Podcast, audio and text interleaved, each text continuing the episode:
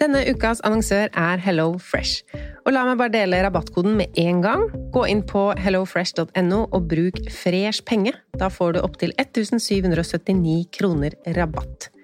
Og i dag tenkte jeg å snakke om matplanlegging ut ifra et hva vil jeg egentlig putte i kroppen min-perspektiv. Altså ikke hva som er godt, men hvor mange ganger i uka vil jeg spise fisk, f.eks. Og med Hello Fresh-appen så er dette så fint. Du velger bare ut fra en liste hvilke fem eller fire eller tre middager du vil spise uka etter. Og så kommer matkassa til deg på døra.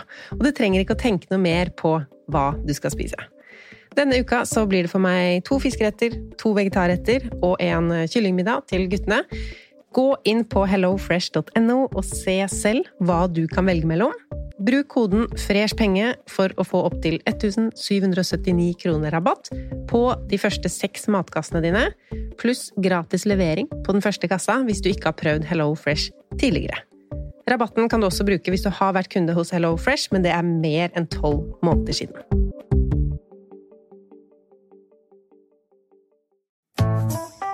Har du et enkeltpersonforetak eller en liten bedrift? Ikke det?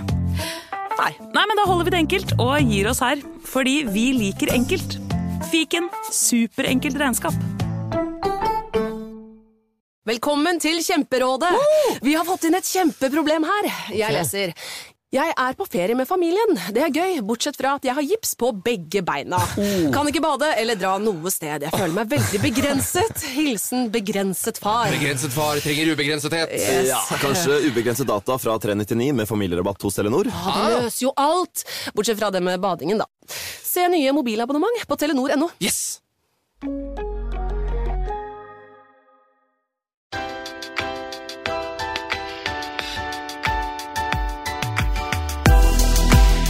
Velkommen til Pengesnakk podkast. I dag skal vi snakke om et tema som vi ikke, sånn direkte i hvert fall, har prata om her i podkasten før. Nemlig koblingen mellom økonomi og psykisk helse. Til å gi oss innsikt og kanskje noen ting å tenke på og gjøre, har jeg fått en ekte psykolog på besøk i studio. Velkommen hit, Vidar Kristiansen. Tusen takk. Du driver med formidling av psykologisk kunnskap ved siden av fulltidsjobb som psykolog. Hvorfor Mm. brenner du sånn for å formidle kunnskap om følelser og hjernen vår og sånn? Nei, altså det er jo, eh, som jeg sa før vi begynte å spille inn, det er alltid et spørsmål jeg syns er litt vanskelig å svare på. Um, men, men, men det handler nok litt om at jeg, um, som gjennom jobben min, så, så når jeg ut til eh, en, en del folk, sant. Men jeg har en tanke om at det er veldig mange der ute som har et veldig stort behov for å enten prøve å skjønne seg selv litt bedre, eller få innsikt i eh, sant, alt som eh, foregår og skjer i oss selv, som ikke kommer i kontakt med helsevesenet. da. Så målet mitt er vel litt å nå ut til de folka som, som jeg ikke nødvendigvis vil komme i kontakt med min jobb. Um, og så syns jeg at det er veldig spennende og givende også sånn for, for egen del å kunne formidle det. Jeg syns det er eh, um, hva skal jeg si, det er noe som gir meg energi, egentlig, å kunne liksom snakke om. Så jeg, jeg syns det er veldig morsomt også. Så er det jo relevant for alle. Altså alle har jo en hjerne og følelser, litt som på, for meg, da. Alle styrer jo en økonomi og er i kontakt med penger. Ja, absolutt. Du vant jo også nylig en pris. Ja, det gjorde jeg.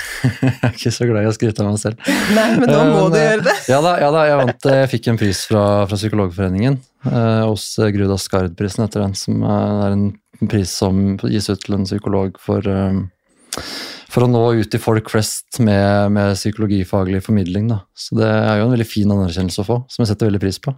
Mm. Så det er ikke noe hvem som helst jeg har på besøk eh, her, altså. Et av de Instagram-innleggene dine som jeg beit meg merke i, det var en daglig huskeliste for god psykisk helse. Mm. Og der skriver du blant annet, altså helt øverst, at vi må få nok søvn. Ja.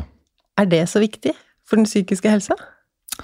Ja, altså Det innlegget der tar jo på en måte utgangspunkt i sånne ting som man kanskje ikke nødvendigvis tenker er psykisk helse, eh, men som er kjempeviktig for den psykiske helsa vår. Og jeg tenker at um, blant annet det å få nok søvn altså Jeg tror vi alle vet hvordan vi er rundt folk og er med oss selv når vi har sovet lite. Da, da har vi mindre å gå på eh, når det kommer til å bli sint irritert. Vi har kanskje litt kortere lunte. Vi strever kanskje litt i, kanskje i litt større grad med å forstå andres intensjoner og sånn. Altså F.eks. det å sove lite, det tenker jeg gjør noe med um, evnen vår til å forstå mennesker rundt oss og forholde seg til seg selv, da. Ja.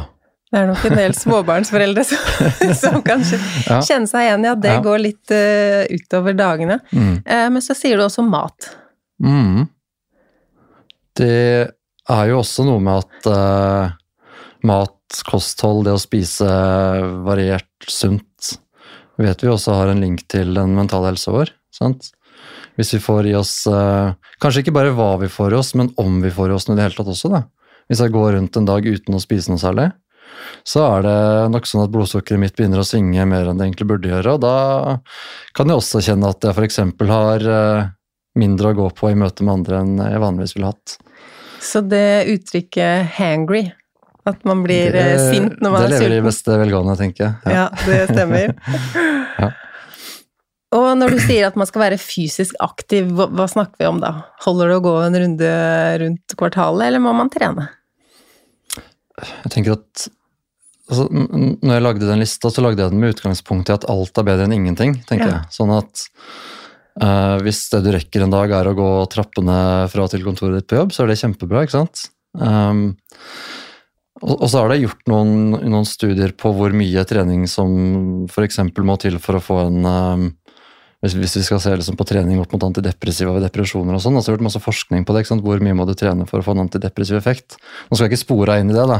Nei, men, Men- det er jo kjempeinteressant, så gjør det er- ja. Men det jeg mener med innlegget mitt, er på en måte at all fysisk aktivitet påvirker Eller fysisk aktivitet påvirker helsa vår, og jo mer aktiv vi får til å være, på en sunn måte riktignok, jo, jo bedre, eller jo mer utslag gir det seg i form av at vi også føler oss bedre. Veldig Men skjer det noe i hjernen når jeg jogger?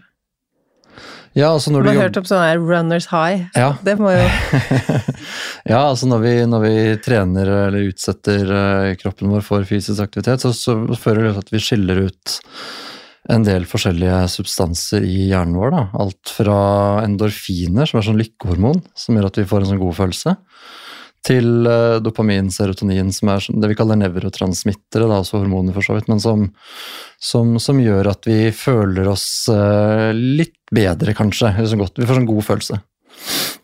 Dette, dette her blir jo på et veldig sånn banalt nivå. En lege kunne jo sikkert forklart dette enda bedre enn meg, sant? men det er noe med at den fysiske aktiviteten den, den setter i gang en rekke sånne kjemiske reaksjoner i hjernen vår som gjør at vi har det bedre med oss selv.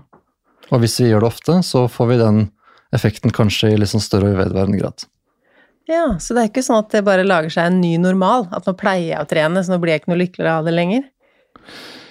Nei, eh, det er, vel, det er vel fort litt sånn med alle disse tingene på den lista, sant? at hvis vi klarer å vedlikeholde f.eks.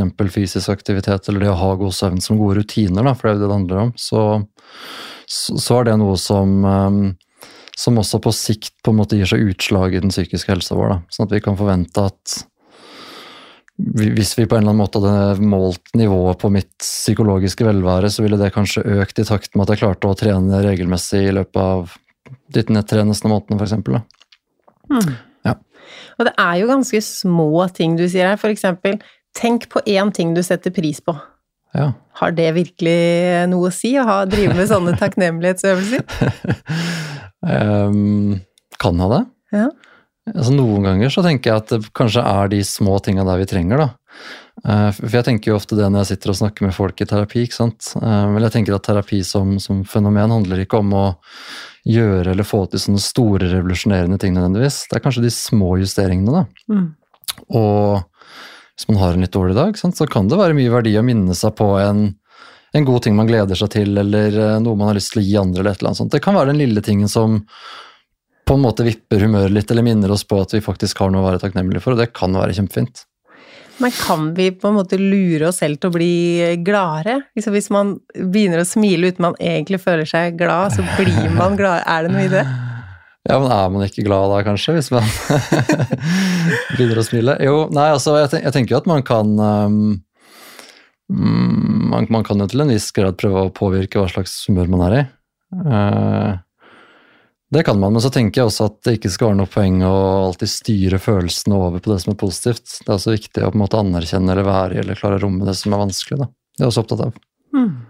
Det er ikke øvelsen alltid skal være å på en måte være glad. Det tenker jeg ikke nødvendigvis er et mål, egentlig. Nei, så mer å bli kjent med følelsene sine og anerkjenne både negative og positive? Ja, jeg tenker det, Dette kunne jeg snakka lenge om. Jeg tenker det er viktig fordi følelsene våre mm, er kjempeviktige fordi de sender noen signaler om hvilke behov vi har. da. Ja. Sånn at hvis jeg ikke tillater meg å kjenne på at jeg er trist, f.eks., så går jeg kanskje glipp av behovet som tristheten sender meg. ikke sant? Kanskje er jeg trist fordi jeg savner øh, noen i livet mitt, eller jeg er lei meg fordi jeg har mista hunden min, eller et eller annet sånt. Og da er det viktig for meg å på en måte ta tak i det på en eller annen måte. Og prøve å jobbe litt med Kanskje jeg trenger en god klem. Eller kanskje jeg trenger å snakke med noen om at nå har hunden min gått bort, det er kjempetrist. Hvis jeg på en måte skal vri det over i å være glad, så tror jeg kanskje heller jeg legger lokk på de følelsene. da. Ja. Og det er ikke alltid så lurt. Så hvis den du vil snakke med sier Nei, bare kom over det, la oss heller være glade, så kan, er ikke det nødvendigvis det man trenger? Nei, jeg tror kanskje Hva skal jeg si, unngåelse kan av og til være ålreit, også. Jeg sier ikke at vi hele tiden skal stå i alt som dukker opp. Det er på en måte greit å noen ganger ta seg en treningsøkt fordi du kjenner at du er i skikkelig dårlig humør. Men, men, men idet det blir en rutine å unngå de negative følelsene for å komme over til de positive, så tenker jeg at vi er i et liksom vanskelig farvann. Da. Mm. Men på den lista di så sto det ingenting om økonomi, så mitt spørsmål nå Kunne vi lagt til at det å ha en trygg økonomisk situasjon er viktig for psyken?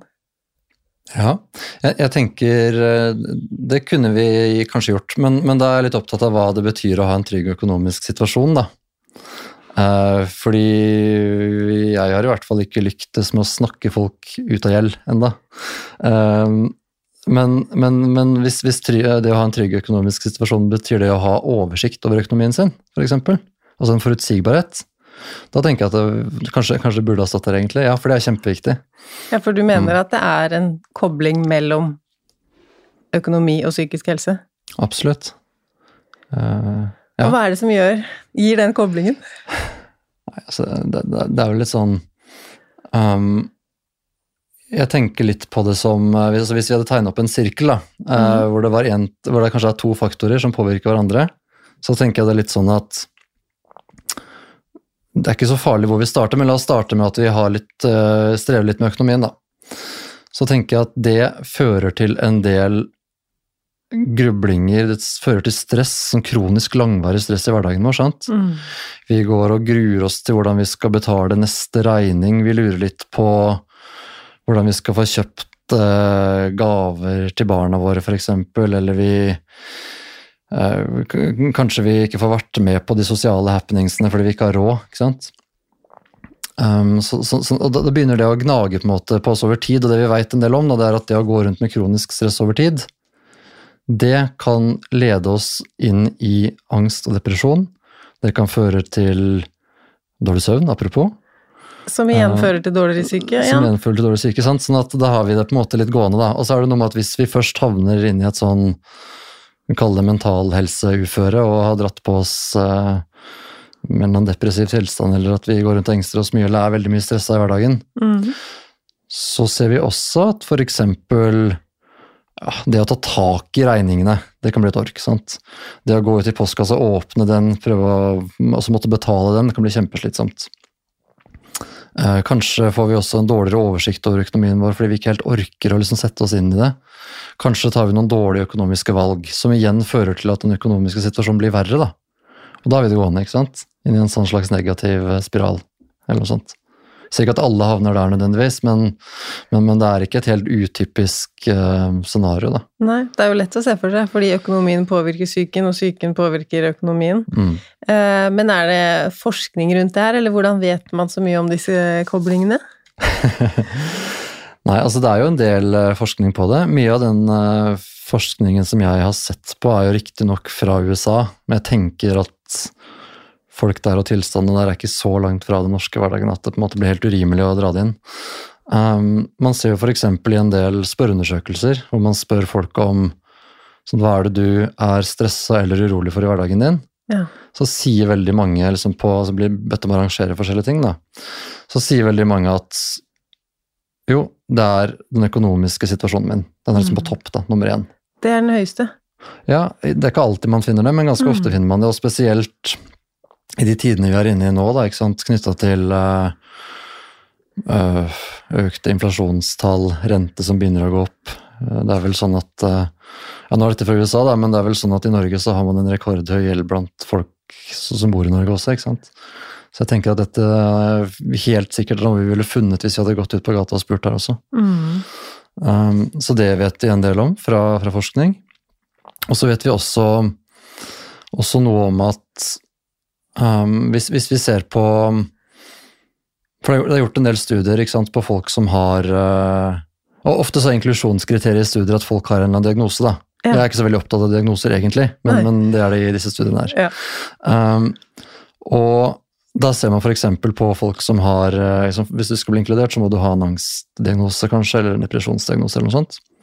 Og så ser man at um, de folka som Og så har de en, en, en gruppe de måler det mot, da. Som, som er en gruppe som de ikke har. Ikke sant? Så ser man at de folka som eh, ja, altså Hvis du har en eller annen eh, diagnose, eller sliter med psykisk helse på en eller annen måte, så er sjansen statistisk større for at du også har gjeld. Ja. Og så kan man se på det motsatte og finne akkurat det samme. Hvis du har gjeld, så er sjansen større for at du, har, eh, at du strever på en eller annen måte med den psykiske helsa. Det, det er på en måte bare det vi kaller korrelasjonsstudier. Det sier ikke noe om retning og sånt. Men det sier noe om at disse tingene ofte samfaller. da. Og da tenker jeg med på å støtte den tanken om at dette, dette er sånne ting som, som på, påvirker hverandre i ganske sånn intrikat og komplekst system. Men som ofte henger sammen på en eller annen måte. Hvilke ting med økonomien er det som kan ha negativ innvirkning på vår psykiske helse? Jeg tenker, tenker det er flere ting. Mm. Det første det er jo at hvis, hvis vi strever med økonomi, så skaper det ofte en uforutsigbarhet i hverdagen vår. Sant? Sånn som vi har snakka litt om, det, det er vanskelig å vite helt om regnskapet kommer til å gå opp, kommer jeg til å ha nok penger til å betale regningene når eh, måneden nærmer seg slutt og sånne ting. Så det er én ting. Så handler det også litt om eh, det som jeg også har sagt noe om, men sosial deltakelse. Får jeg muligheten til å være med på kino for eksempel, med vennene mine? Får jeg dratt på svømming? Får jeg, får jeg sendt barna mine på fotball? Altså alle de tinga der.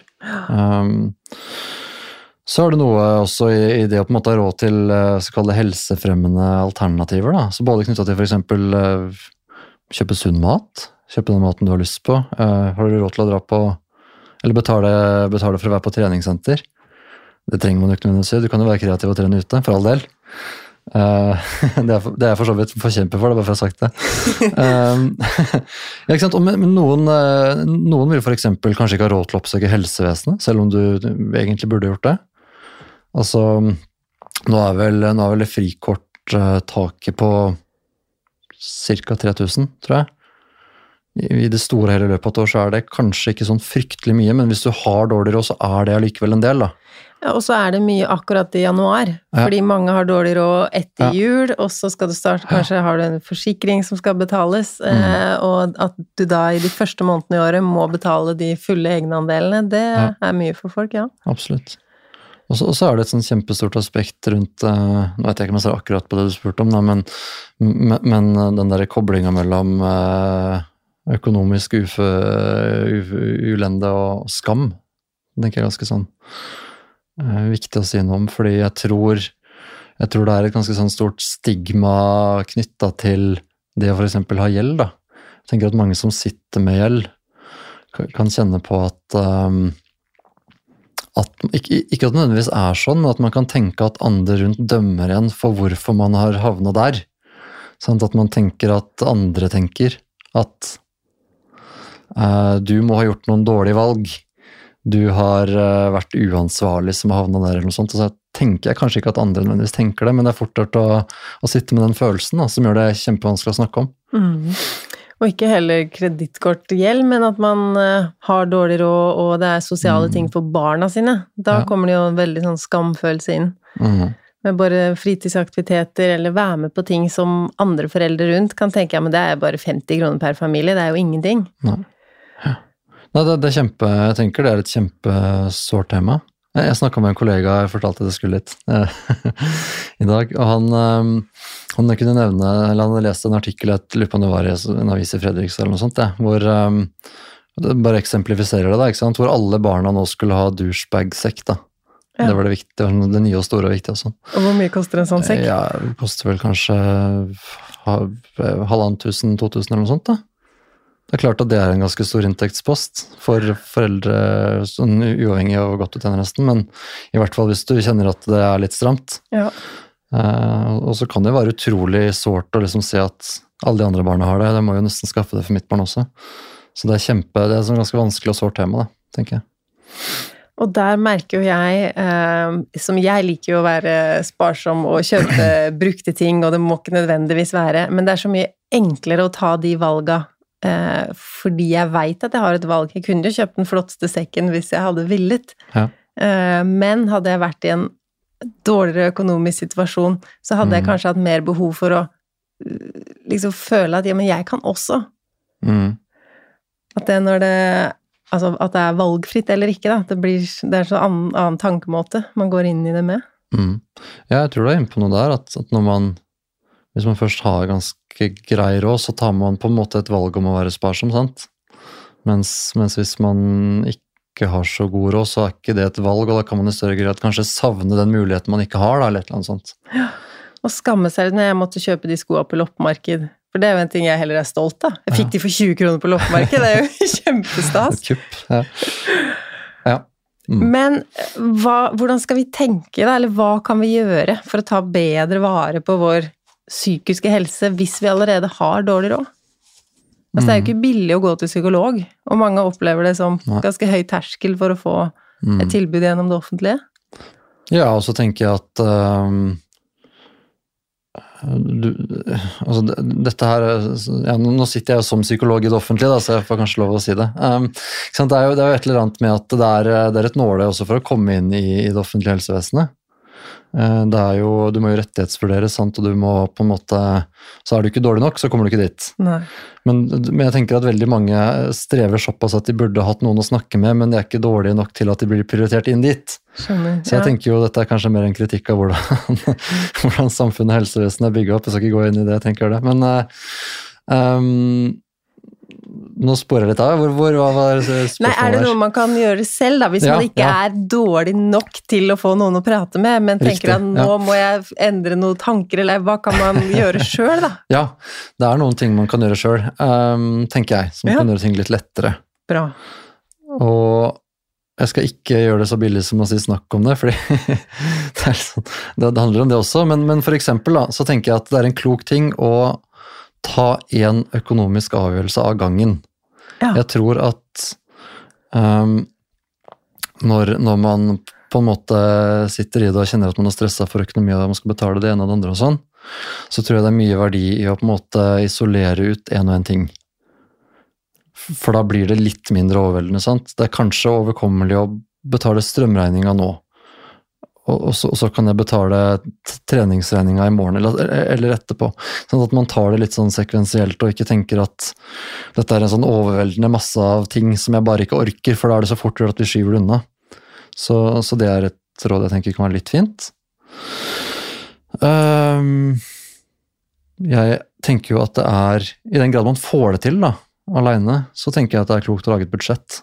Ja. Ehm, Litt i kontrast til ditt forrige punkt, for det kan jo være en ting som gjør sånn Å, må jeg sette opp et Ja. budsjett? Sette meg inn i alt Ja. dette blir overveldende stort, kan jeg ikke? Men jeg tenker, jeg tenker, grunnen til at jeg tenker det er lurt, da, er at idet du har et budsjett og en slags oversikt over det hele, Ja, det kan så deilig. kan det være at du slipper å tenke på det ene og det andre hele tiden og på en måte ha det i hodet som kontinuerlig. Du kan som legge det fra deg, da. Så, så jeg tror, Og det budsjettet er jo noe du på en måte Kanskje du må revidere det og sånn, men det er ikke sånn at du liksom må gå rundt og tenke på hele tiden. Så jeg tror det er noe som ta, kan ta ned den der kontinuerlige, eller det kontinuerlige stresset vi kjenner på. Tror jeg. Og så er det ikke alltid vi får det til selv, da. Men, eh, ja. Nei, og i hvert fall for de som bekymrer seg unødvendig, for det er det jo mange som gjør nå. De, det er i nyhetene hele tida om strømmen som er dyr, det er rentehevinger, inflasjon. Man gruer seg til hvor skal, dyrt skal egentlig boliglånet mitt bli, kommer jeg til å klare det? Mm. Eh, men hvis man ikke har sett på tallene, så kan det jo hende at man gruer seg helt eh, Ja. uten at man trenger det. ja, det kan godt hende. Selv om andre igjen burde kanskje bekymre seg mer ta noen Ja, Gjøre jo, noen men så. Så kan det jo være et poeng å Altså hvis, hvis man syns har et ganske anstrengt forhold til økonomi, da, eh, men kjenner seg litt trygg på å ta dette opp med andre, så går det jo an å sette seg sammen med samboeren f.eks., eller en god venn, eller noen du vet har litt peiling på det, lage det, lage det sammen, ikke sant. Det, det finnes jo en mulighet for det. Ja, det syns jeg hørtes kjempelurt ut. Fordi Ja. du sa at ja, det blir så enkelt å si 'snakk om det'. Ja. Men for alle så er jo ikke det så enkelt, så det Nei. kan jo være et kjempestort steg å ta. Men jeg tror ikke noen som har åpna seg opp om eh, økonomi, egentlig vil angre på det. Nei, jeg, jeg, tenker, øh, jeg tenker at de fleste nok antagelig får veldig gode erfaringer med det. At, at, at det er veldig få som møtes med en Det, det finnes sikkert noen som møtes med liksom dømmende stemmer, men jeg tror det er veldig få. Man får velge litt med omhu hvem man åpner Ja, jo da. for. ja. men, men, men så tror jeg også det er et eller annet så mange kilo av, øh, av skuldrene, da, å gjøre det. Og så tenkte jeg på apropos det du sa med Nei, Hvorfor kom jeg på det? Jeg bare hadde et tips til òg. det var, av et eller annet du sa. Uh, men det er det med å liksom identifisere de Skal vi kalle det de økonomiske um, triggerne, da, eller noe sånt. Ja, fortell. Og, og med det så mener jeg Hva er det jeg syns er ekstra krevende med økonomi? Ja. Er det å logge inn i nettbanken eh, Er det der det stopper for meg, liksom? Når jeg må begynne å drive med mobilbank, det skal kanskje bort, da, men? Er, det, er det det som er kjipt? Er det det å liksom gå ut i posten, åpne postkassa, rive av den, se på fakturaen? Uh, hva med, økonom, hva med, hva med økonomistyring eller det å få en oversikt er det jeg syns er ekstra krevende? Jeg tror det kan være litt lurt å ha oversikt over eller en bevissthet rundt det. For det Hvorfor det, det? litt, nei, for det gjør det litt lettere å på en måte kanskje eh, hjelpe seg sjøl til å løse den oppgaven bedre, da. Hvis jeg veit at jeg jeg, får helt sånn postkasseangst sant, av å drive og skulle låse opp den og se hva som ligger der. Så kanskje jeg kan få kommunisert det til samboeren. sånn, Du vet hva, jeg, jeg syns akkurat den biten der er så sjukt krevende, kan vi gjøre det sammen? Uh, for eksempel. Eller så kan jeg tenke at det syns jeg er kjempekrevende. Det skal jeg gjøre når jeg kjenner meg litt bra, når jeg kjenner at jeg har sovet godt og spist nok, apropos, ikke sant. Det, det skal jeg liksom ikke ta når jeg er litt sånn uh, på halv tolv, fordi det veit jeg at det er ekstra krevende for meg. Så sånne ting kan være lurt å ha som bevisst forhold til. Hva slags andre ting tenker du kan være triggere? Ja, hva skal det, hva skal det være da? Um, det kan jo for eksempel være det å skulle dra kort i butikker, kan være en trigger. Altså At man kjenner at liksom det gir meg en skikkelig dårlig følelse når jeg skal betale ting sånn, fordi jeg kanskje blir litt impulsiv, eller plutselig så kjøper noe jeg ikke har behov for og sånt. Og hvis, hvis det er noe vi kjenner oss igjen i, så kan det jo eksempel være en tanke å ja, Kanskje man skal kjøpe via internett, eksempel, hvor man har litt mer sånn ro og fri og ikke trenger å ta de store stressa valgene og, og kjenne at det blir ubehagelig. Ja. Kan sikkert lete etter flere eksempler, men eh, Ja. Men hvis vi skal forebygge hele liksom, denne sirkelen eller nedadgående spiralen med dårlig økonomi og dårlig psykisk helse, hvor Mhm. kan vi begynne da, hvis vi skal begynne på psykisk helsesiden? Eller eh, hva er det som gjør at når du har dårlig psykisk helse, at du da også lettere havner i gjeld eller økonomiske problemer?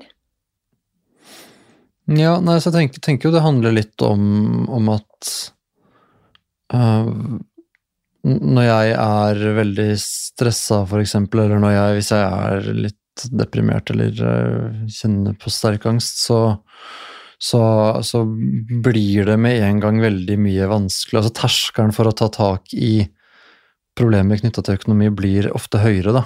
Mm. Um, jeg, jeg jobber jo Eller en del av de folka jeg møter sånn, hvis, jeg, hvis jeg starter samtaler og spør litt sånn åpent i første samtale sånn, sitter jo her på, på,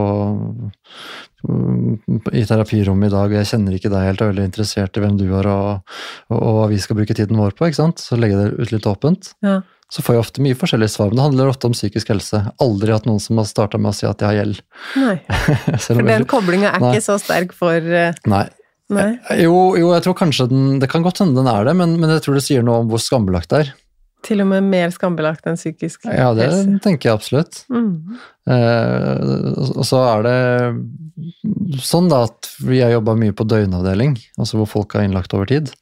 Og da er det veldig sånn tydelig i rutinen at vi skal ikke bare snakke om psykisk helse, vi skal også jobbe med boforhold, vi skal jobbe med eh, økonomi for eksempel, og sånne ting. Jeg gjør ikke så mye av det, da, men vi har sosionomer for eksempel, som er ganske gode på det. ikke sant? Mm. Så det er inne i rutinen der.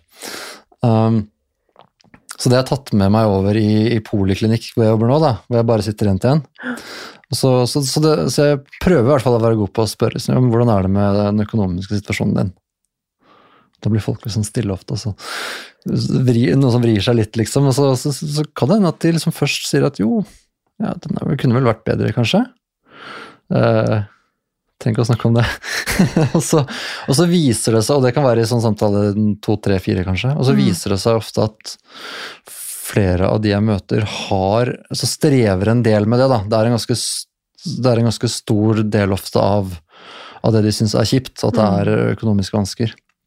Men det dukker veldig sjeldent opp hvis jeg ikke spør. Ja.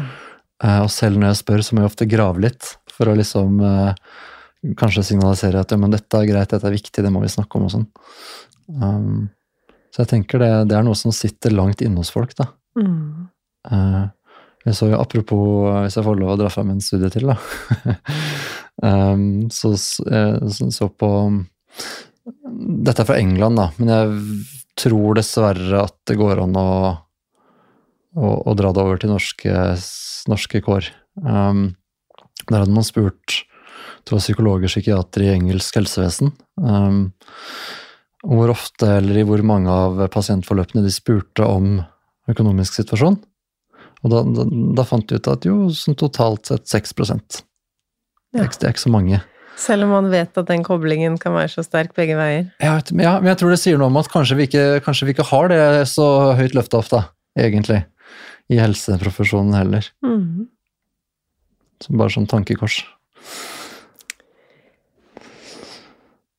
Når koblingen, altså dårlig råd, økonomiske bekymringer og psykisk helse, eller uhelse, er så sterk, Mm. kan man da si at mer penger kan gjøre oss lykkelige? Ja, ja, kanskje. Eh, Det var litt vanskelig igjen, da. Fordi uh, Lykkelighet, tja. Men ehm, dette, dette spørsmålet fikk jo jeg fra deg før jeg kom hit i dag. Jeg er opptatt av det, skjønner du. Ja. At liksom om det dårlig økonomi skal kunne føre med seg så mye negativ Ja. drit, så tenker jeg da må vel god økonomi ha mulighet til å føre med seg noe bra. Ja, men jeg skal gi deg et klok, prøve å gi deg et klokt svar på det. da. Fordi dette minte meg på, på en god studie fra min tid som student. Um, og det er godeste Daniel Kahneman, som mange har hørt om. Um, som har skrevet den Thinking Fast, Fast and Slow. Ja. Han gjorde en studie rundt Kan jeg ta året feil, og sånn, men rundt 2010 eller noe sånt. Um, sammen med en annen som jeg ikke husker navnet på. Stakkars. Men, men, men de, de, så på, de så på nettopp det her, da. Hvordan Eller sånn ser det ut til at det er en samvariasjon mellom folks inntekt og ikke da på en måte lykkenivå, men, men psykologisk velvære, da. Ja. Og, det, og det er litt sånn, altså, De målte det ved å spørre, spørre disse menneskene hvordan Hvordan syns du livet ditt er? Er du på en måte fornøyd? Syns du du har det bra nok? Eh, Er du stort sett glad og trives, liksom? Ja. Og så fant, fant de ut da at ja, det ser ut som det er et eh, Om ikke lineært, så ser det ut som det er en ganske sånn eh, Ikke en til en, men det er et forhold da, mellom inntekt og psykologisk velvære. Opp til et visst punkt. Mm. Og det er det som er litt interessant, da, fordi de ser at den, den kurven begynner å flate ut etter hvert. Og nå har jeg juksa tatt med meg tall, da, men den flater ut på rundt det var 2000, ca. 2010, så flater den ut på rundt 75 000 dollar i årsinntekt. Ja. Og så tenkte jeg dette er litt spennende, så jeg gikk inn på en sånn inflasjonskalkulator og gjorde det om til 2022, og så regner jeg det om til norske kroner. Ja. Hva Um, er lykkelønna? Ja, lykkelønna, men hvis vi skal ta det her for god fisk, da, så, så er lykkelønna på rundt en million. Ja, det er såpass høyt. Det ja. Jeg har tenkt 750 000, Ja. men det er jo gammelt tall.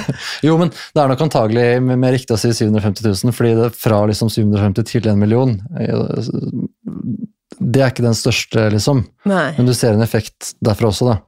Jeg, jeg tror nok tanken liksom er at um, når du tjener såpass mye at du slipper å bekymre deg for økonomi, Ja. uh, så, så ser vi at det har en ganske god effekt på det psykologiske velværet. Og så kan det godt hende at det er feil å si en million i Norge, for all del, fordi i USA så har man jo et privat helsevesen som, som krever litt, litt andre ting, og det er ikke sikkert at Norge og USA er helt sammenlignbare, da. Men, eh, men det var tallet jeg kom til. Um, så for å svare på spørsmålet, ja, det- kan jo til et visst nivå gjøre oss mer tilfreds, i hvert fall. Da. Kanskje mindre mindre stressa Mm. for, eh, for eh, konsekvensene der å ikke ha så god råd.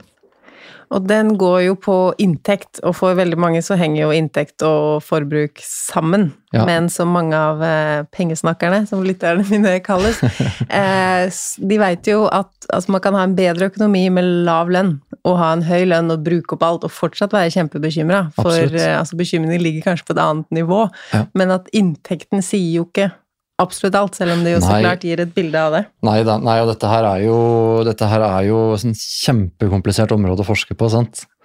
Um, nå har jeg ikke le, jeg leste ikke den studien så, fryktelig nøye på nytt jeg, før jeg kom hit i dag. Um, du ville nok sikkert finne, så, eh, finne veldig mye i form av at folk som har en helt normal lønn, er sikkert stort sett vel så lykkelige som folk som tjener en million, tenker jeg. Men det er noe med at det å på en måte nå et sånt nivå der du dekker, eller har mulighet for å dekke de liksom grunnleggende behovene pluss, da. Mm. Um, det ser ut til å ha en sammenheng med hvordan vi har det. Mye god innsikt. Jeg tenker sånn, Hvis de som hører på skal eh, tenke litt ekstra på, eller gjøre én ting For jeg er så opptatt av du skal ikke bare høre, men du skal ta i bruk din nye kunnskap. Eh, men så kan man bli litt overveldet òg. Så hvis du skal trekke fram én ting som kan gjøre altså koblingen mellom psykisk helse og økonomi Jeg forsvarer litt eh, sånn som paraplysvar, da. Jeg tenker eh, ha fokus på det du trenger for å være selvivaretagende. Hva betyr det? Selvivaretakende? Det ordet har jeg er sånn paraplyord, men, men, men altså det, det betyr på en måte være litt sånn bevisst hva du trenger i din hverdag for å ha det litt bedre. Kanskje er det, liksom, da er vi tilbake til den lista igjen, da. Mm, Kanskje er, det å, kanskje er det å liksom tillate seg eh, en time ekstra søvn en dag. Kanskje er det å være opptatt av at nå, nå kjenner jeg at jeg trenger å bevege meg litt, da skal jeg gjøre det. Da, da, da, eller, eller nå skal jeg eh, ikke ta med meg jobben hjem i dag. Jeg trenger å koble av litt. Mm. Ikke sant? Prøve å være litt sånn opptatt av hva slags um, hva slags uh, grunnleggende behov er det jeg kjenner at jeg kanskje ikke har dekka helt. Da. Jeg tror det er viktig. At vi skal gjøre det så enkelt. Merker du at folk syns det er lettere å liksom tenke å ta sin fysiske helse på alvor enn den psykiske helsa? Ja, absolutt. Det var du veldig tydelig på. ja, ja, men, men helt åpenbart. Mm. Jeg, jeg tenker at um, Jeg merker det jo selv, når du sa sove en time ekstra, så tenkte jeg ja, men det ja. Jo, jo, jeg tenker det. Altså, det, er jo, det er jo helt åpenbart sånn at fra vi er små, så lærer vi å Hvis jeg slår og faller meg, så lærer jeg at jeg skal sette plaster på sår og sånn. Jeg lærer kanskje at jeg skal pusse tennene mine to ganger om dagen. mm. Kjempebra, da. Det er for så vidt kjempeviktig. Men jeg lærer, og det er påstanden min at vi fortsatt ikke er så gode på, jeg lærer fryktelig lite om hvordan jeg skal ivareta min psykiske helse. Sant? Hva skal jeg gjøre når jeg kjenner meg avvist, egentlig? Hva skal jeg gjøre når jeg kjenner meg sint? Hva skal jeg gjøre når jeg kjenner meg trist? Den psykologiske førstehjelpa, den er ikke like oppe i dagen som den fysiske.